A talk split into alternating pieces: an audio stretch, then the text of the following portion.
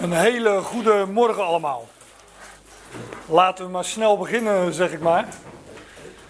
Te laat komen op je eigen Bijbelstudie. Hè?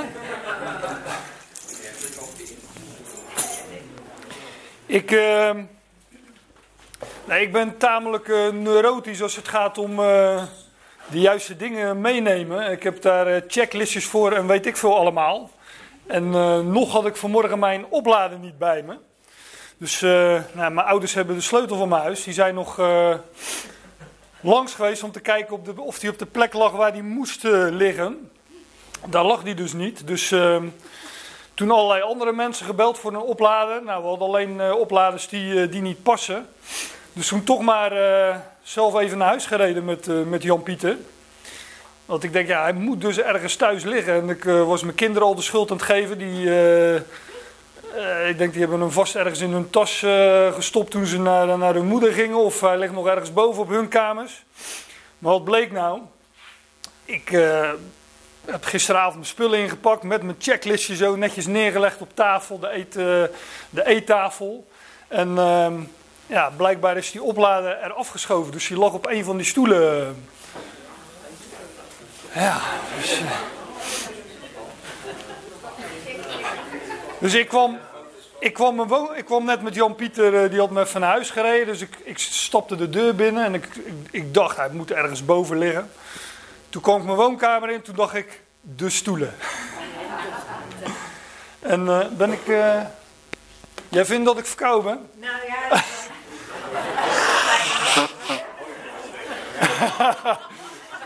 maar ik begrijp dit. Had je het nodig of niet?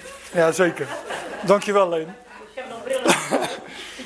maar, um, ja, dus uh, hoe neurotisch je ook bent, een ongeluk uh, zit in een klein hoekje. En uh, nou ja, we zijn mensen, we kunnen niet blijkbaar eh, alles plannen zoals wij denken dat het zou moeten gaan. En daar wil ik het maar bij laten wat betreft mijn beperkingen. En met jullie het uh, woord gaan openen, want uh, daar zijn we hier voor.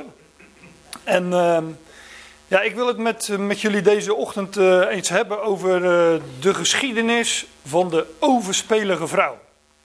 En ehm, die vinden we in, in Johannes 8. Dat is een tamelijk bekende geschiedenis, mag ik aannemen. En het zijn ook ehm, niet zo heel veel versen, ik denk een stuk of 10, 11. En uh, het lijkt me goed om die versen gewoon ter inleiding uh, ook om het geheugen weer eens op te frissen. Want ja, we lezen hem waarschijnlijk niet elke dag. Om die versen gewoon eens uh, te lezen. En dan ehm, gaan we daarna wat dieper in op wat daar nu precies staat. Johannes 8 vanaf vers 1. En Jezus ging naar de Olijfberg. En s morgens vroeg kwam hij weer aan in de tempel. En al het volk kwam naar hem toe. En hij ging zitten en hij onderwees hen. En de schriftgeleerden en de fariseeën leiden een vrouw die op echtbreuk gegrepen is. En zij doen haar in het midden staan. Zij zeggen tegen hem, leraar, deze vrouw is op heterdaad betrapt bij het plegen van echtbreuk. En in de wet geeft Mozes ons de instructie de zulke te stenigen. Jij dan, wat zeg jij? En dit zeiden zij om hem te beproeven, opdat zij iets zullen hebben om hem te beschuldigen. Maar Jezus bukte neer en hij schreef met zijn vinger in de aarde. Maar wanneer, hem zij, wanneer zij hem blijven vragen, richt hij zich op en hij zei tegen hen: Wie van jullie zonde, zonde, zonde is, laat hij als eerste een steen op haar werpen. En hij bukte zich weer voorover, hij bukte zich weer voorover en hij schreef in de aarde. En toen zij dit hoorden, gingen zij naar buiten, één voor één. Te beginnen bij de oudsten tot de laatsten. En zij lieten Jezus achter en de vrouw die in het midden is. En Jezus zich oprichtende zei tegen haar: Vrouw, waar zijn zij? Veroordeelt niemand jou? En zij zei: Niemand, Heer. En Jezus zei: Ook ik veroordeel jou niet. Ga en zondig vanaf nu niet meer. Ja, tot zover dit gedeelte in, uh, in Johannes 8. Um, ter inleiding nog wat opmerkingen. Het wordt een beetje technisch. Maar um, ja, ik moet het toch gezegd hebben. Johannes 7, vers uh, 53 tot 8, vers 1 tot 11, dus het gedeelte wat wij gelezen hebben, dat ontbreekt in een aantal oude handschriften. We moeten ons bedenken, die, uh, wij, wij, uh, kijk, Johannes heeft dit ooit opgeschreven. en het origineel van Johannes, ja, dat hebben we niet meer. Dat is door uh, schrijvers overgeschreven, hè, zoals wij het nu zouden kopiëren, is dat overgeschreven, gekopieerd. En um, de, ik meen dat de oudste handschriften die wij hebben ongeveer uit de vierde of vijfde eeuw zijn, uh, dacht ik. En um, in een aantal van die ook goede handschriften ontbreekt dit gedeelte dus. Daarom staat het in de MBG, ook in de Telos, tussen vierkante haken. Als je een statenvertaling hebt, heb je dat ja, probleem dus niet. Daar, daar, daar, merk je dit ook niet op. is ook weer gebaseerd op een, uh, op een handschrift waar het, uh, waar het wel in staat. Maar de MBG, je hebt MBG toch? Nou, die begint met 7 vers 53 tussen een, een, vierkante haak en die sluit 8 vers 11 af met een sluitende vierkante haak. Maar het is zo dat verschillende van die handschriften, waar het dus niet in staat, beschadigd zijn. Precies bij uh, dit gedeelte, waar ontbreekt een, een bladzijde. En uh, ja, kijk, ik heb daar wat, uh, wat over gelezen deze week. Ik heb dat allemaal nog eens na zitten zoeken. Maar men zegt ook in andere handschriften vind je het weer wel. Dan staat het gedeelte in Lucas of op een andere plek in, in Johannes. En de studiebijbel zei daar ook iets over. En dat vond ik wel een dat, dat vond ik dan toch wel weer een, een treffende. Dat er oude citaten bekend zijn uit dit gedeelte, die dus wel nog ouder zijn dan de oudste handschriften die wij hebben. Namelijk uit de, ongeveer uit de tweede eeuw. Dat betekent dus dat uh, er in de tweede eeuw mensen waren die schreven, die dingen op schrift stelden, die, weet ik veel, die schreven een boek of een artikel of een blogje, zeg het maar. Maar die citeerden daarin uit Johannes 8, vers 1 tot 11, uit de geschiedenis van de overspelige vrouw. Dus die geschiedenis was toen echt wel bekend. En je kunt je natuurlijk afvragen van hoe komt het nou dat, uh, dat in uh, een aantal van die oude handschriften ontbreekt, dat een aantal van die oude handschriften beschadigd zijn op die plek. Is daar soms gefraudeerd? Heeft iemand dit gedeelte weg willen stoppen? Want we gaan het er nog over hebben, maar als er één gedeelte is in de schrift waar genade wordt gedemonstreerd, dan is het wel uh, dit gedeelte. En zou men dat als reden kunnen hebben gezien om dit uh, gedeelte te schrappen of eruit te scheuren of, nou ja, weet ik veel. Kijk, dit is allemaal wat technisch. En, uh, misschien zegt u uh, van, nou, laten we gaan bijbelstudie doen en uh, de koe bij de horens vatten. Um, in de context meen ik dat er bewijzen genoeg zijn dat dit gedeelte authentiek is, om het zo te zeggen. Dat het er wel degelijk hoort te staan. Ja, we bespreken nu een zeer klein gedeelte uit, uit het Johannesevangelie, maar ja, dat, dat zou ik heel erg kunnen dat zou kunnen demonstreren als we bijvoorbeeld het hele Johannes-evangelie bespraken. Maar dat doen we nu eenmaal niet. Maar ik geef een paar, uh, paar voorzetten. En, uh, nou ja, jullie zijn allemaal bereërs natuurlijk, dus uh, zoek het allemaal thuis nog eens na. Of de dingen die ik hier zeg al zo zijn. Dat, dat moet je sowieso doen, dus ook met deze dingen. Maar als het gaat over de context. Die, direct aan het begin van het Johannes-evangelie vinden we een, een, een, een tekst dat is Johannes 1, vers 17. Daar staat: Want de wet werd door Mozes gegeven. De genade en de waarheid is door Jezus Christus gekomen. Nou, als er, als er één geschiedenis is die dit demonstreert, dan is het wel de geschiedenis van de overspelige vrouw. Daarom heb ik het zojuist ook even eerst helemaal uh, gelezen. Hè? Wordt een vrouw naar Jezus gebracht. Zij is betrapt op overspel, op echtbreuk. Mozes zegt, zij moet gestenigd worden. Wat zeg jij? Zeggen ze tegen Jezus. Nou, en dan demonstreert dus de Heer genade. Zo mooi, hè? Dat staat trouwens, daar moet ik ook nog even op wijzen. Genade en de waarheid is door Jezus Christus gekomen. Er staat echt een enkelvoud. Sommige vertalingen dachten van ja, dat klopt taalkundig niet. Dus die hebben gezegd, genade en waarheid zijn door Jezus Christus gekomen. Maar de waarheid is de boodschap van genade. Dus dat is hetzelfde. Genade is de waarheid en de waarheid is genade. Vandaar het enkelvoud is. Genade, de genade en de waarheid is door Jezus Christus gekomen. En ehm, ja, we gaan de geschiedenis bespreken van de overspelige vrouw. Maar ik wou zeggen, is bijna geen vers dat beter samenvat wat daar geïllustreerd wordt, uitgebeeld wordt dan dit vers. Nou, dat is niet helemaal waar natuurlijk. Ik zou nog heel wat versen uit de brieven van Paulus ook kunnen noemen. Hè. Wij zijn niet onder de wet, maar onder de genade. Nou, dat zijn natuurlijk, uh, maar dit is wel echt een heel mooi vers. En uh, geweldig hoe, uh, hoe Johannes dit hier naar voren brengt. Ja, het direct navolgende in deze geschiedenis is um, het gedeelte dat Jezus gaat zeggen: Ik ben het licht der wereld. Nou, dat demonstreert hij natuurlijk ook in eh, de geschiedenis met uh, de overspelige vrouw. Ja, ik heb altijd graag, ik werk graag met zo'n interlineair dat je in kan zoomen, maar ik heb ook altijd graag een Bijbel bij me, omdat je dan wat meer overzicht hebt over de gedeeltes. Maar in Johannes ehm,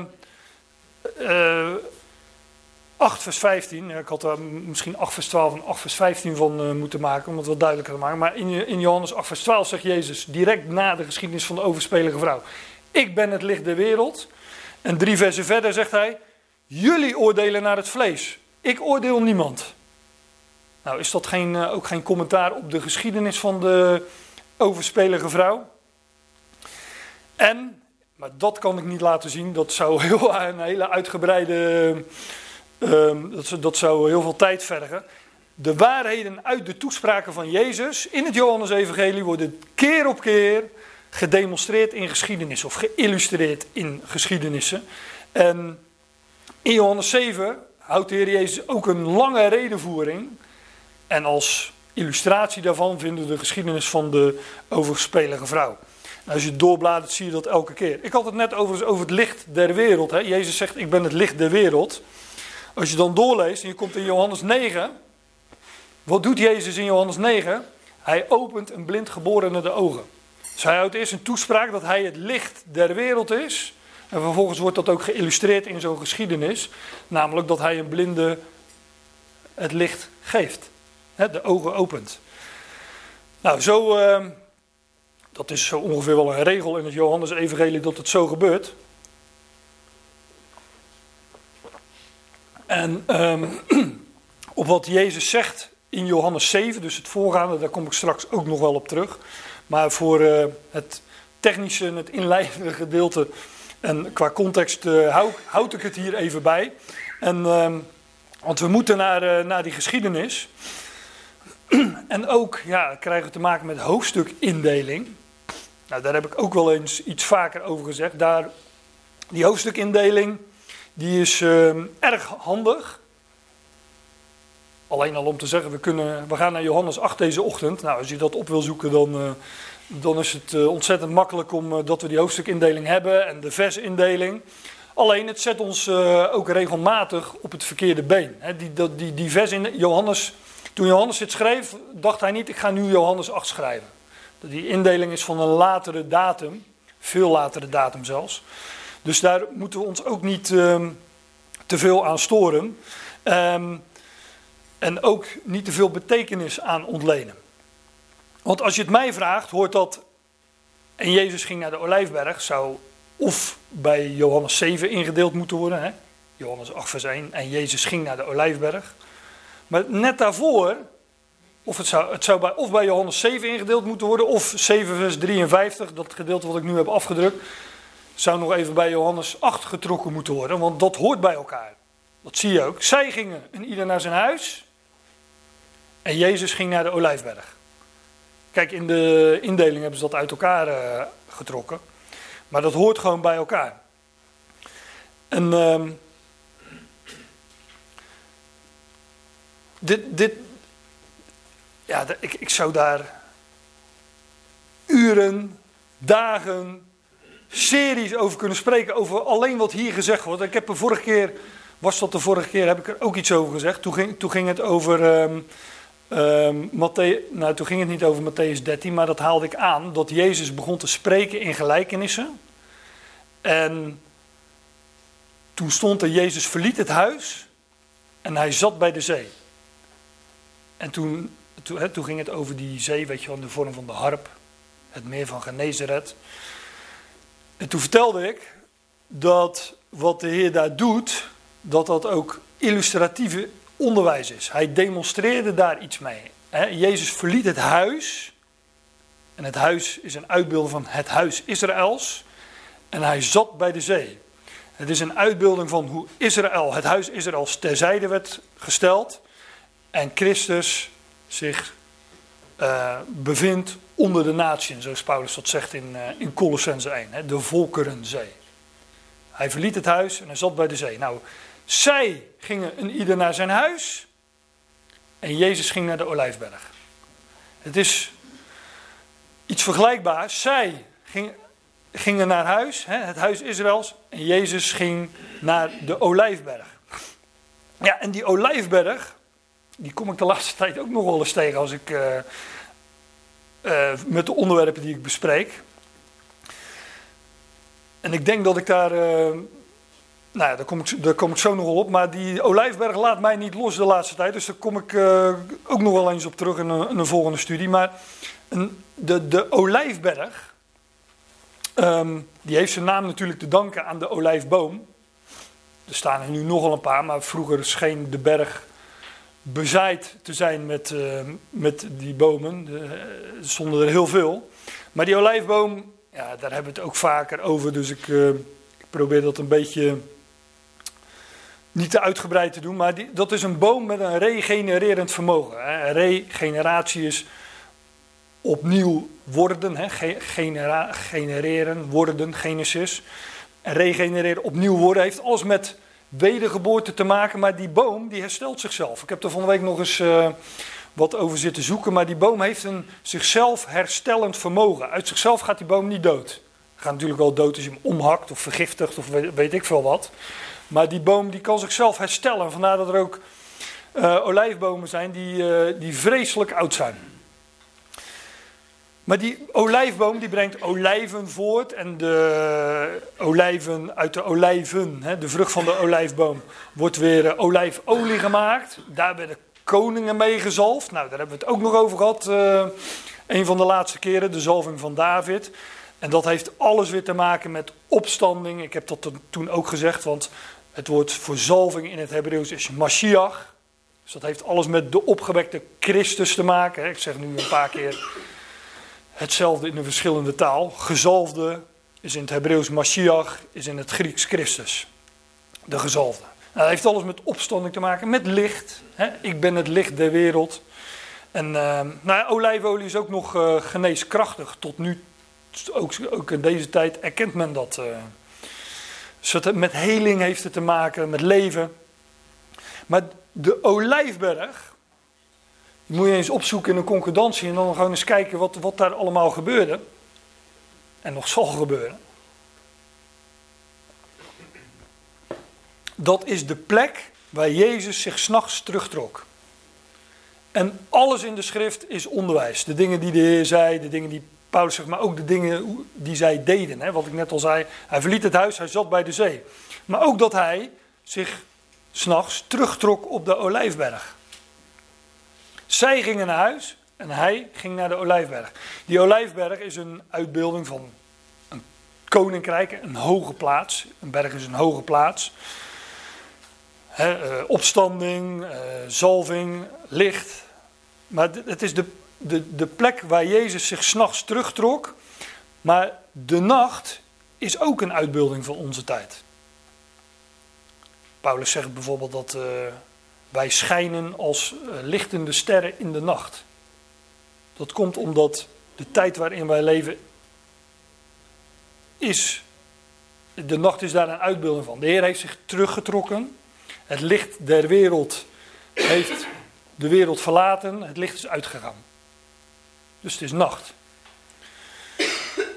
En uh, wanneer dus de dag gaat aanbreken, ja, dat is uh, de dag de dag van Christus, dat is wanneer hij, hij zal terugkomen.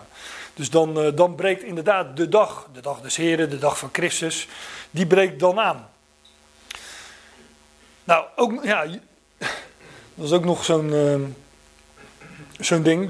Daar, wil, daar wil ik nog een keer wat uitgebreider over hebben. Maar je leest dus in Handelingen 1 vers 12 dat, de, dat Jeruzalem een sabbatsreis verwijderd ligt vanaf de Olijfberg. Dus wil je van de Olijfberg naar Jeruzalem reizen, dan, dan is dat dus het afleggen van een sabbatsreis. Maar een sabbatsreis is 2000 ellen. En deze berg is een uitbeelding van het verborgen koninkrijk waar de Heer zich terugtrekt in de nacht. Hij is nu aan Gods rechterhand, gezet in de hemel. En Jeruzalem is een uitbeelding van, ja, daar zal de troon staan van de Messias. Er zal zijn koninkrijk geopenbaard worden. Nou, hoeveel, hoe, hoeveel zit daartussen? 2000 ja, uh, 2000 eenheden. Eh, hier gaat het over een sabbatsreis van 2000 ellen. Maar uh, als we het in tijdrekening gaan doen, dan is het ongeveer 2000 jaar. Nou, nogmaals, daar ga ik het echt binnenkort nog een keer uh, uitgebreider over hebben. Als je hem nu niet vat, dan. Um, dan, nou ja, we gaan straks nog koffie drinken en lunchen. Dus schiet mij aan of, of wacht even totdat ik het er een keer uitgebreid over ga hebben. Of vraag het aan je buurman die het, of buurvrouw die het misschien ook wel weet. Maar voor nu ga ik even verder. De Olijfberg. Ja, dat moet ook genoemd. Dat is de plaats waar Jezus stierf. Dat dat, ik beweer u nu wel dingen die ik niet zo 1, 2, 3 even snel kan onderbouwen. Dat is een flinke puzzel. Nou valt ook wel mee. Maar er was een hoofdman over 100. Die stond, bij het, toen, die stond erbij toen de Heer aan het kruis stierf. Die zag het gordijn van de tempel van boven naar beneden scheuren. En toen hij die dingen zag, toen zei hij van deze was waarlijk, uh, hoe zei hij het? Deze was waarlijk de Christus of iets dergelijks.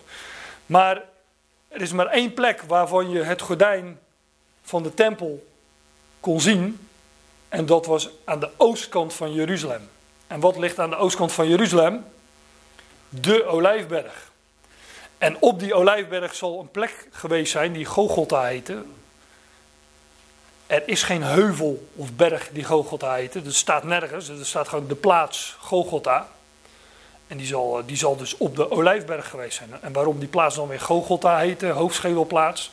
Nou, daar hebben we het de andere keer ook wel weer over. Maar uh, het is ook de plek waar de Heer begraven werd, want hij werd op een steenworp begraven van waar hij werd gekruisigd, lezen we.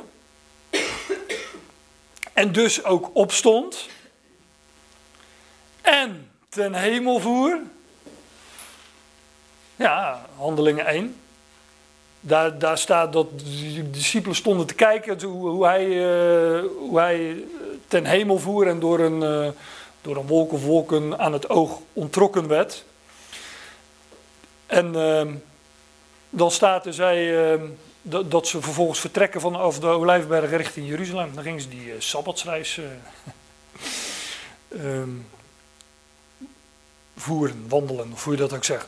Maar ook de plek waar hij zal terugkeren. Want te dien dagen zullen zijn voeten staan op de Olijfberg. Nou, de, deze berg is dus qua ja, alle bekende hoe noem je dat? Heilsfeiten. De, de, de, de feiten met betrekking tot onze redding. Die zijn terug te voeren op die olijfberg. Dus dat is niet, uh, niet zomaar een locatie. En ik geloof ook dat wat de Heer hier demonstreert in een zinnetje. Hè, zij gingen ieder naar zijn huis. Jezus ging naar de olijfberg.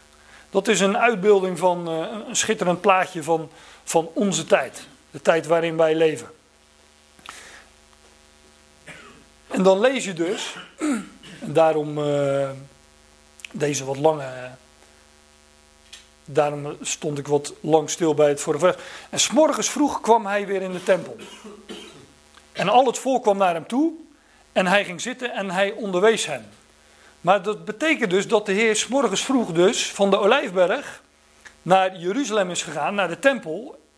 En dus die reis heeft afgelegd, hè? die Sabbatsreis waar ik het zojuist over had.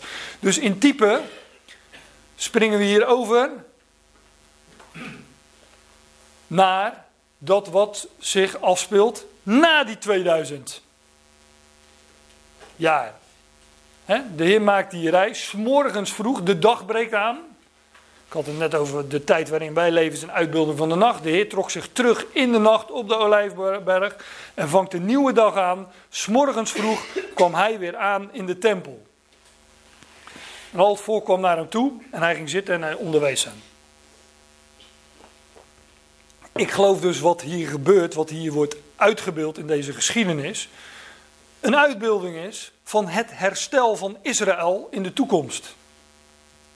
Dan zal de dag aanbreken, de dag des Heeren. S morgens vroeg kwam hij weer aan in de tempel en al het volk kwam naar hem toe en hij ging zitten en hij onderwees hen. Dus even vooruitgrijpend op de geschiedenis, die overspelige vrouw, ik zal het straks nog wel toelichten, is een uitbeelding van het volk Israël die in, het, in de toekomst, als die nieuwe dag aanbreekt, een ontmoeting zal hebben met haar Heer. Nadat de nacht voorbij is. En, nou, laat ik verder lezen. En de schriftgeleerden en de fariseeën leiden een vrouw die op echtbreuk gegrepen is. En zij doen haar in het midden staan. Ja, dat is wel, uh, dat is wel grappig. De, de, dit woord uh, schriftgeleerden als ik nu de interlineaire open had staan en ik klikte op dat woord, dan zie je dat het opgebouwd is uit het woord schrijf. Het is eigenlijk gewoon een schrijver, een schriftgeleerde. Dat zijn schrijvers. Um, niet iedereen kon schrijven, denk ik, in, eh, in die tijd. En zij konden het wel. Maar het is de enige keer dat het woord voorkomt hier, in het Johannes-evangelie. En het is ook juist de geschiedenis waar de Heer in schrijft hebben we net gelezen. Hij schreef in de aarde. Dus eh, wie, wie, worden hier, wie komen hier naar voren? Nou, de schrijvers. En de fariseeën. Nou, zij leiden een vrouw die op echtbreuk gegrepen is. Hè, echtbreuk, overspel. en zij doen haar in het midden staan. Ja. Je zou je toch afvragen van... Uh, it takes two to tango. Waar is die ander? Of uh, het spel van als overspel dan een spel is, dan heb je toch twee mensen nodig om het spel te spelen. Ik weet niet of ik dat zo mag zeggen, maar uh, ik denk dat het wel uh, duidelijk is wat ik, uh, wat ik bedoel, toch? Zij leiden een vrouw die op echtbreuk gegrepen is en zij doen haar in het midden staan. Ja, waar is, die man, waar is die, die man dan waar ze overspel mee bedrijf? Ja, ook dit nog. Hè. Zij zeggen tegen hem, Leraar, deze vrouw is op heterdaad betrapt bij het plegen van echtbreuk. Dat is trouwens, heterdaad is in het Nederlands nog een leuk woord, want het betekent op het heetst van de daad. De meesten snappen hem gelukkig, dus ik hoef hem niet uit te leggen.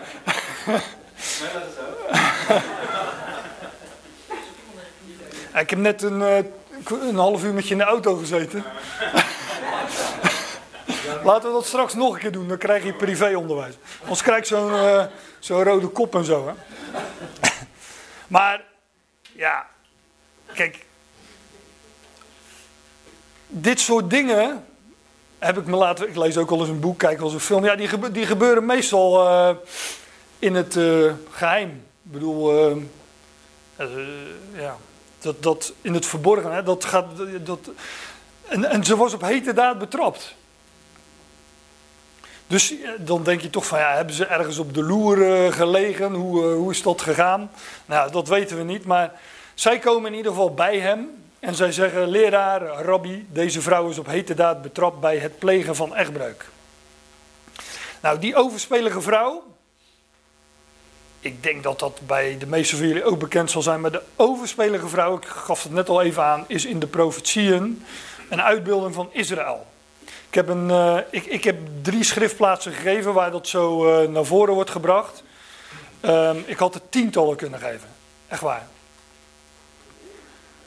Laat ik Hosea 2 even uit het hoofd als voorbeeld nemen. Ik denk dat het ook een tamelijk bekend is.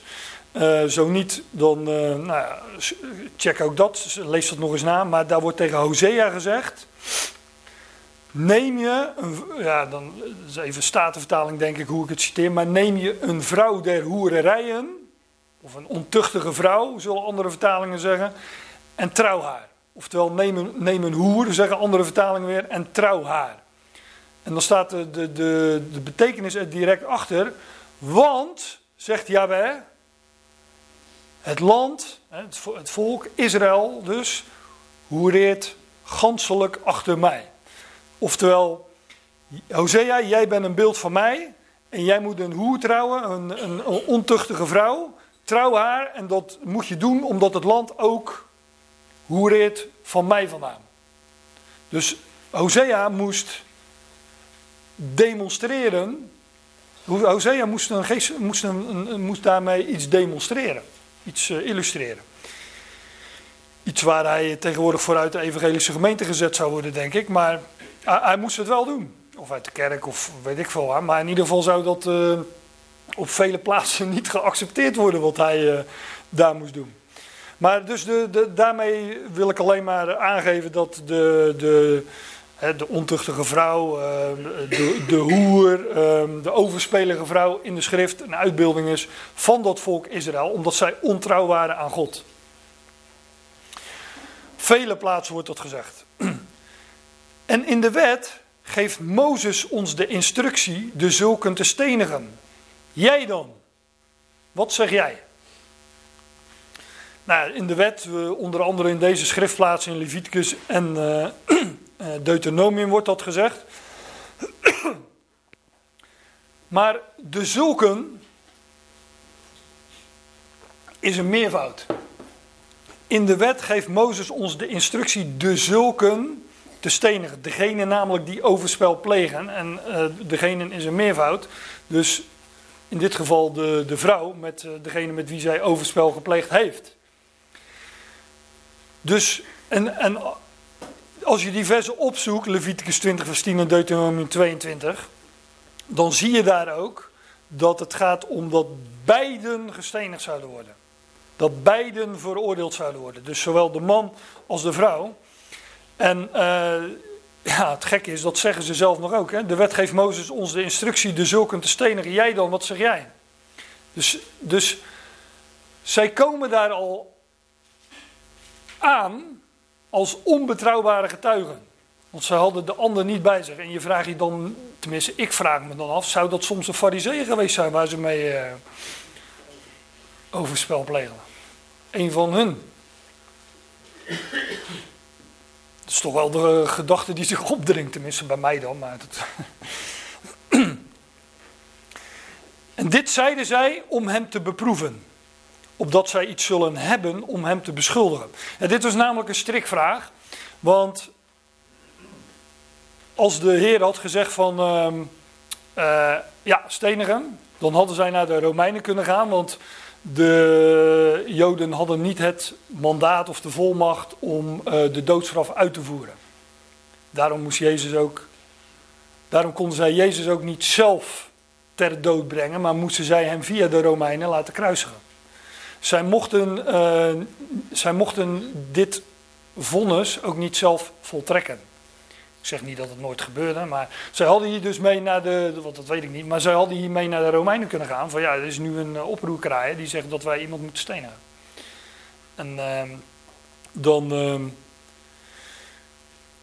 ja, dan, dan had Jezus dus de Romeinse wet weer overtreden. En dat had, dat had hem natuurlijk ook duur kunnen komen te staan. Maar als hij nou had gezegd van, ehm, ik vind van niet, dan hadden ze naar het volk kunnen gaan en kunnen zeggen van ja, we hebben hier een, eh, een rabbi die, uh, die de wet van Mozes terzijde schuift. En dus is het een strikvraag waar de Heer geen goed antwoord op kon geven. Want uh, ze, staat ook, dit zeiden zij om hem te beproeven.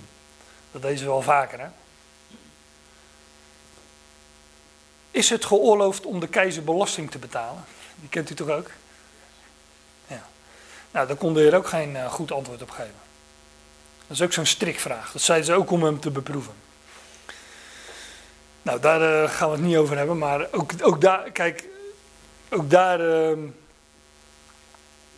kijk, ook, ook daar gaf de Heer geen direct antwoord op.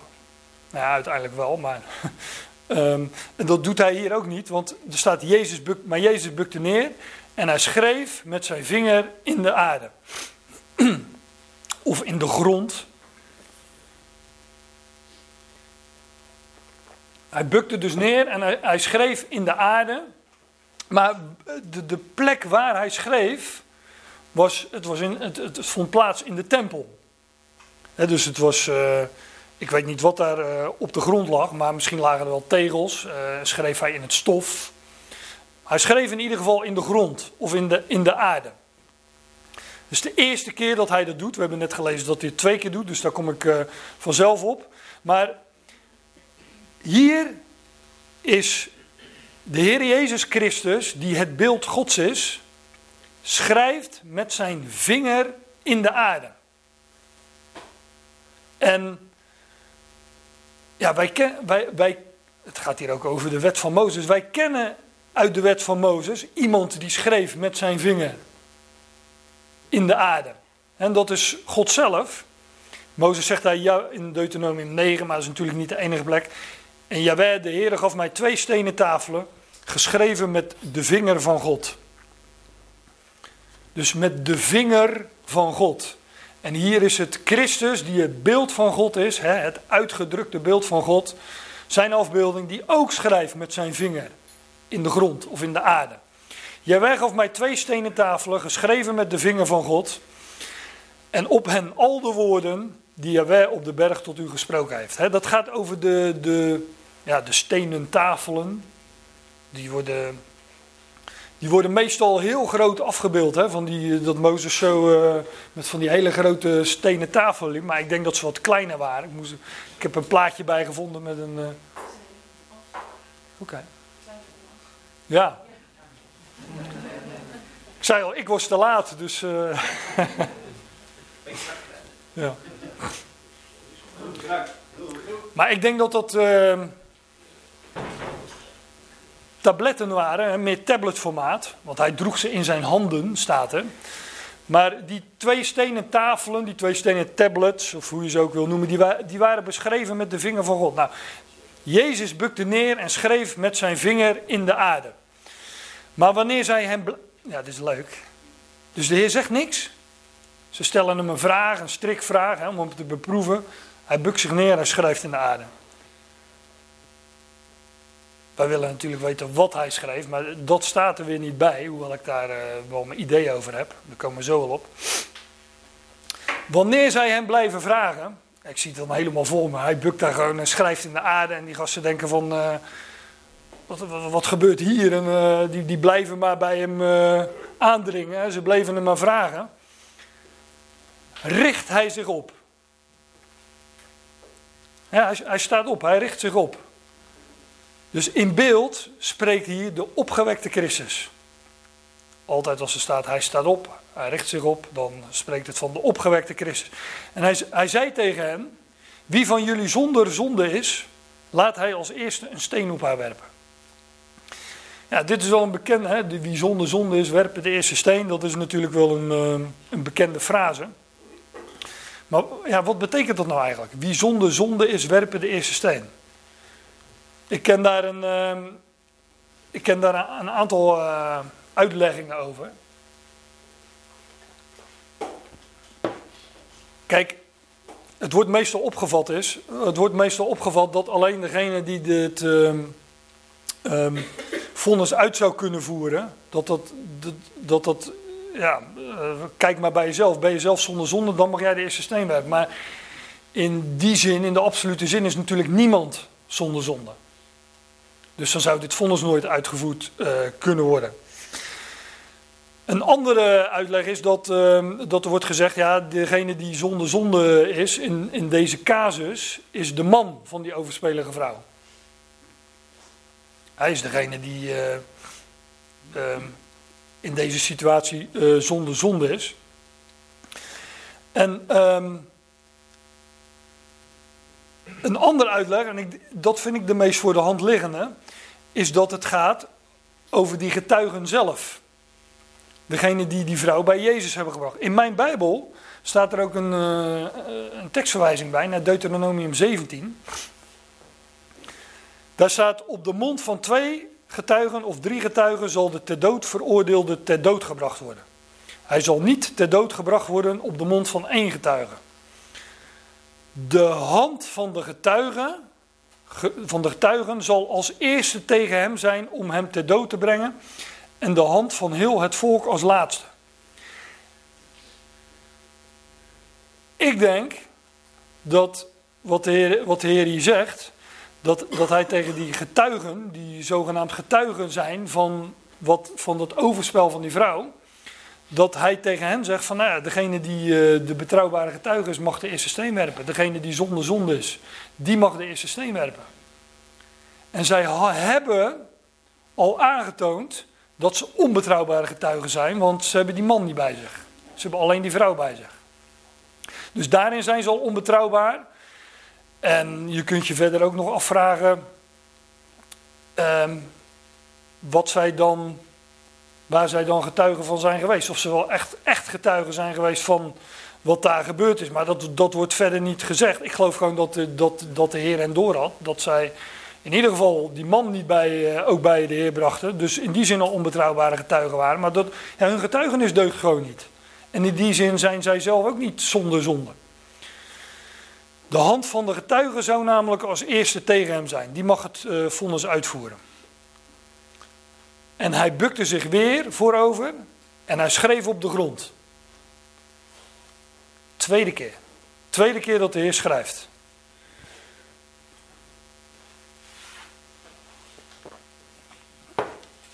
Dorst gekregen van uh, al die autoritjes. Stress, denk ik. Ja, Gerard kneep, kneep hem wel even. Ja.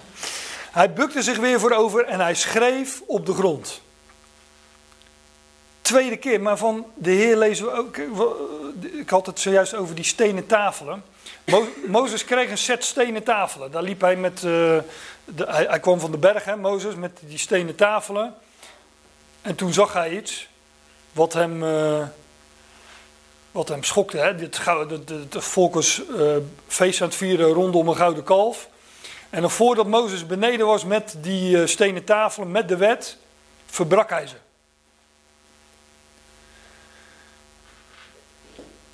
En hij kreeg later een nieuwe set stenen tafelen. Dus God had met zijn vinger geschreven in. De vinger Gods had, uh, had die woorden geschreven. Maar niet één keer, maar twee keer. Hij krijgt twee stenen tafelen. Zoals Mozes dus twee keer die stenen tafel ontving, zo schreef de Heer hier twee keer in de aarde of op de grond. Dus Mozes ontving een, ik zal het even anders zeggen, Mozes ontving een eerste wet en een tweede wet. En vandaar dat wij ook een Bijbelboek hebben, hebben dat heet Deuteronomium, dat betekent tweede wet. En ook dat is typologie. Ook dat is een illustratie, want het, de, dat, dat eerste, die eerste set stenen tafel is een uitbeelding van inderdaad de wet van Mozes. Hè, die, uh, waarvan het volk zei, al wat Jawel gesproken heeft, zullen wij doen. Nou, voordat het de berg af was, was het al, uh, voordat het goed en wel bij het volk aangekomen was, was het al verbroken. Maar toen gaf de Heer een tweede set stenen tafelen, die een uitbeelding zijn van het tweede verbond, namelijk het nieuwe verbond.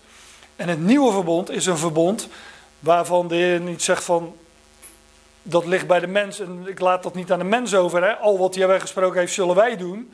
Daarin zegt de Heer van, alles wat ik gesproken heb, zal ik doen. En uh, dat wordt schitterend uiteengezet in bijvoorbeeld Jeremia 31.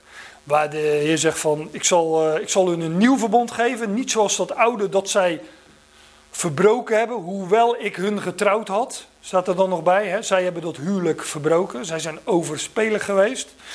Nee, ik zal mijn wet in hun binnenste schrijven en ik zal, ik zal doen. Zeven keer wordt er in Jeremia 31 gezegd, ik zal. De Heer belooft, hij doet dat. En die tweede set stenen tafelen, echt schitterend, die werd bewaard voordat die door de mens verbroken kon worden, om het dan maar zo te zeggen. Die werd bewaard in de ark van het verbond. Ja, dat, uh, wordt hier dan in dit plaatje uitgebeeld. En samen met eh, die kruik eh, waar dat manna in, eh, in gezeten had en de staf van Aaron. Maar het gaat me nu even over die stenen tafelen. God gaf dat woord niet aan de mens, maar hij legde het in de ark van het verbond. En de ark van het verbond is een uitbeelding van Christus. Een houten kist overtrokken met goud. Vergankelijkheid overtrokken met onvergankelijkheid. Het is een beeld van de opgewekte Christus. Het werd, die stenen tafelen werden verzekerd bewaard in de ark. Het, eh, ehm, als uitbeelding van het geloof van Christus. Waar eh, door God zijn beloften eh, vervult. ja, dat is ook zo mooi. Die, het is, het is wat, wat veel illustratie en typologie, denk ik, eh, deze morgen. Maar ik kan natuurlijk ook niet alles eh, van A tot Z uiteenzetten. Maar die stenen tafelen werden dus bewaard onder het verzoendeksel. Hè, de deksel ging erop, dat, eh, dat heet het verzoendeksel. Of, dat is niet helemaal, helemaal correct. Het heeft met beschutting te maken, maar zo wordt het altijd genoemd. Het verzoendeksel, dus ik laat het er maar even bij. Die werd bewaard onder het verzoendeksel. En als je dan de, in de Hebreeënbrief wordt uitgelegd waar deze dingen allemaal van spreken. En daar wordt gezegd dat die ark van het dat, dat verzoendeksel een uitbeelding is van de troon van de genade, de troon der genade. De troon waarop de opgewekte Christus is gezeten. En ehm, zij worden dus bewaard daar in die kist onder de genade. En ehm, als uitbeelding van, van het nieuwe verbond. En, ehm, en eh, die eerste set steentafel natuurlijk van het oude. Dus als de Heer hier voorover bukt en voor de tweede keer in de grond schrijft, dan is dat een uitbeelding van. Zij kwamen naar hem toe van: wat zegt Mozes dat we moeten doen? Wat zegt het oude verbond? Nou, de Heer schrijft twee keer in de, in de grond als verwijzing naar dat oude verbond dat zou eh, ehm, vervuld worden en ehm, er zou een nieuw verbond komen. En daarom schreef hij ook twee keer in die grond, zoals de vinger Gods ook twee keer in die stenen tafelen gezegd. eh, in, die, in die stenen tafelen schreef. Ja, opmerkelijk is natuurlijk dat er niet wordt gezegd wat Jezus schreef, maar dat hij schreef. En ik heb wel ideeën over wat hij schreef, daar kom ik straks nog op. Maar het gaat in de eerste plaats omdat hij twee keer schreef in de grond. Dus op de vloer van de tempel daar, zoals ooit eh, de vinger gods in die eh, stenen tafelen eh, schreef. Ja, toen zij dit hoorden, gingen zij naar buiten, één voor één, te beginnen bij de oudste tot de laatste. Ja, wat hoorden zij dan? Zij, zij hoorden, zij zagen de Heer schrijven, maar zij hoorden de, de Heer zeggen: Wie van jullie zonder zonde is, laat hij de eerste steen werpen. Dat, is, het enige wat zij gehoord hebben. En vervolgens gaan ze dan naar buiten. Dus daarmee werden zij dus ontmaskerd als onbetrouwbare getuigen.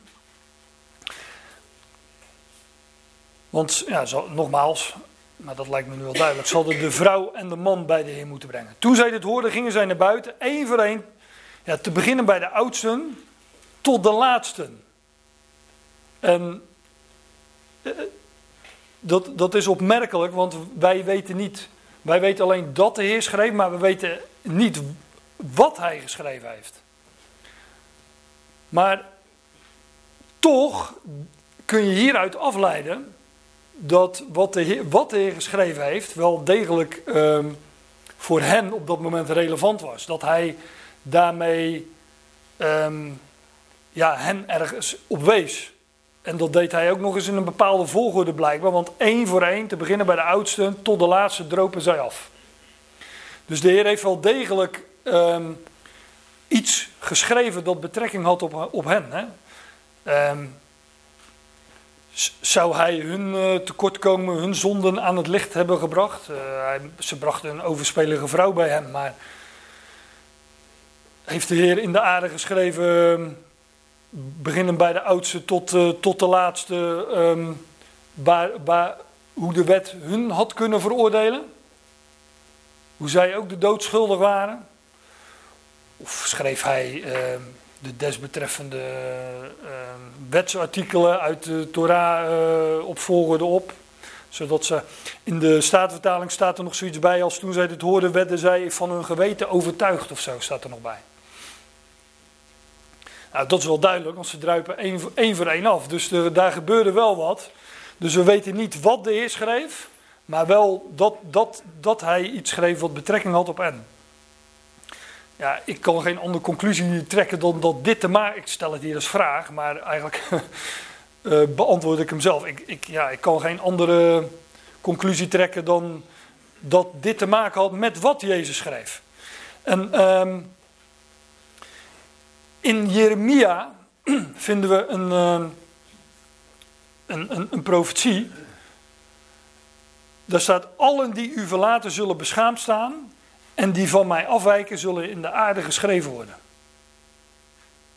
Ja, ik kan me niet aan de indruk onttrekken dat wat in Johannes 8 gebeurt, dat dat een letterlijke, een letterlijke vervulling is in ieder geval van uh, wat hier door Jeremia gezegd wordt.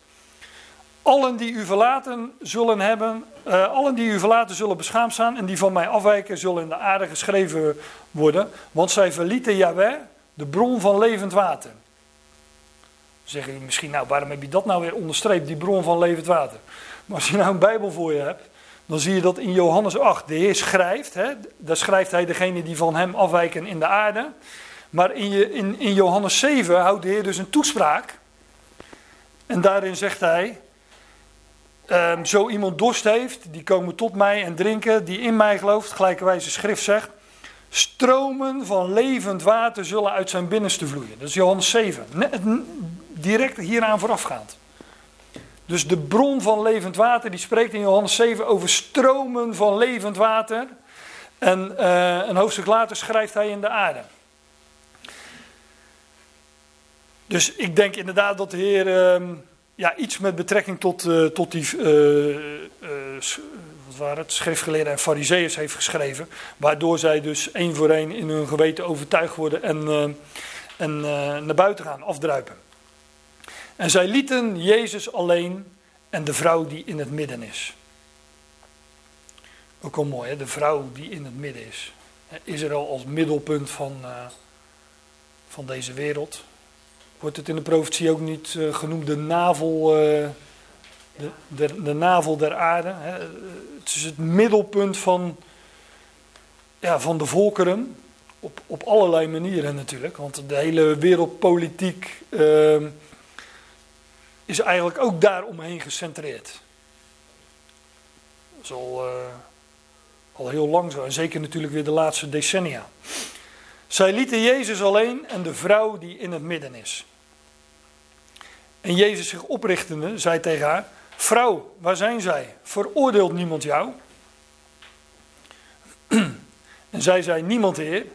En Jezus zei: Ook ik veroordeel jou niet. Ga en zondig vanaf nu niet meer.